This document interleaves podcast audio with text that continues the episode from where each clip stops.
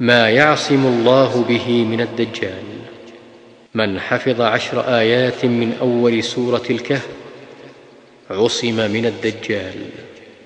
والاستعاذة بالله من فتنته عقب التشهد الأخير من كل صلاة.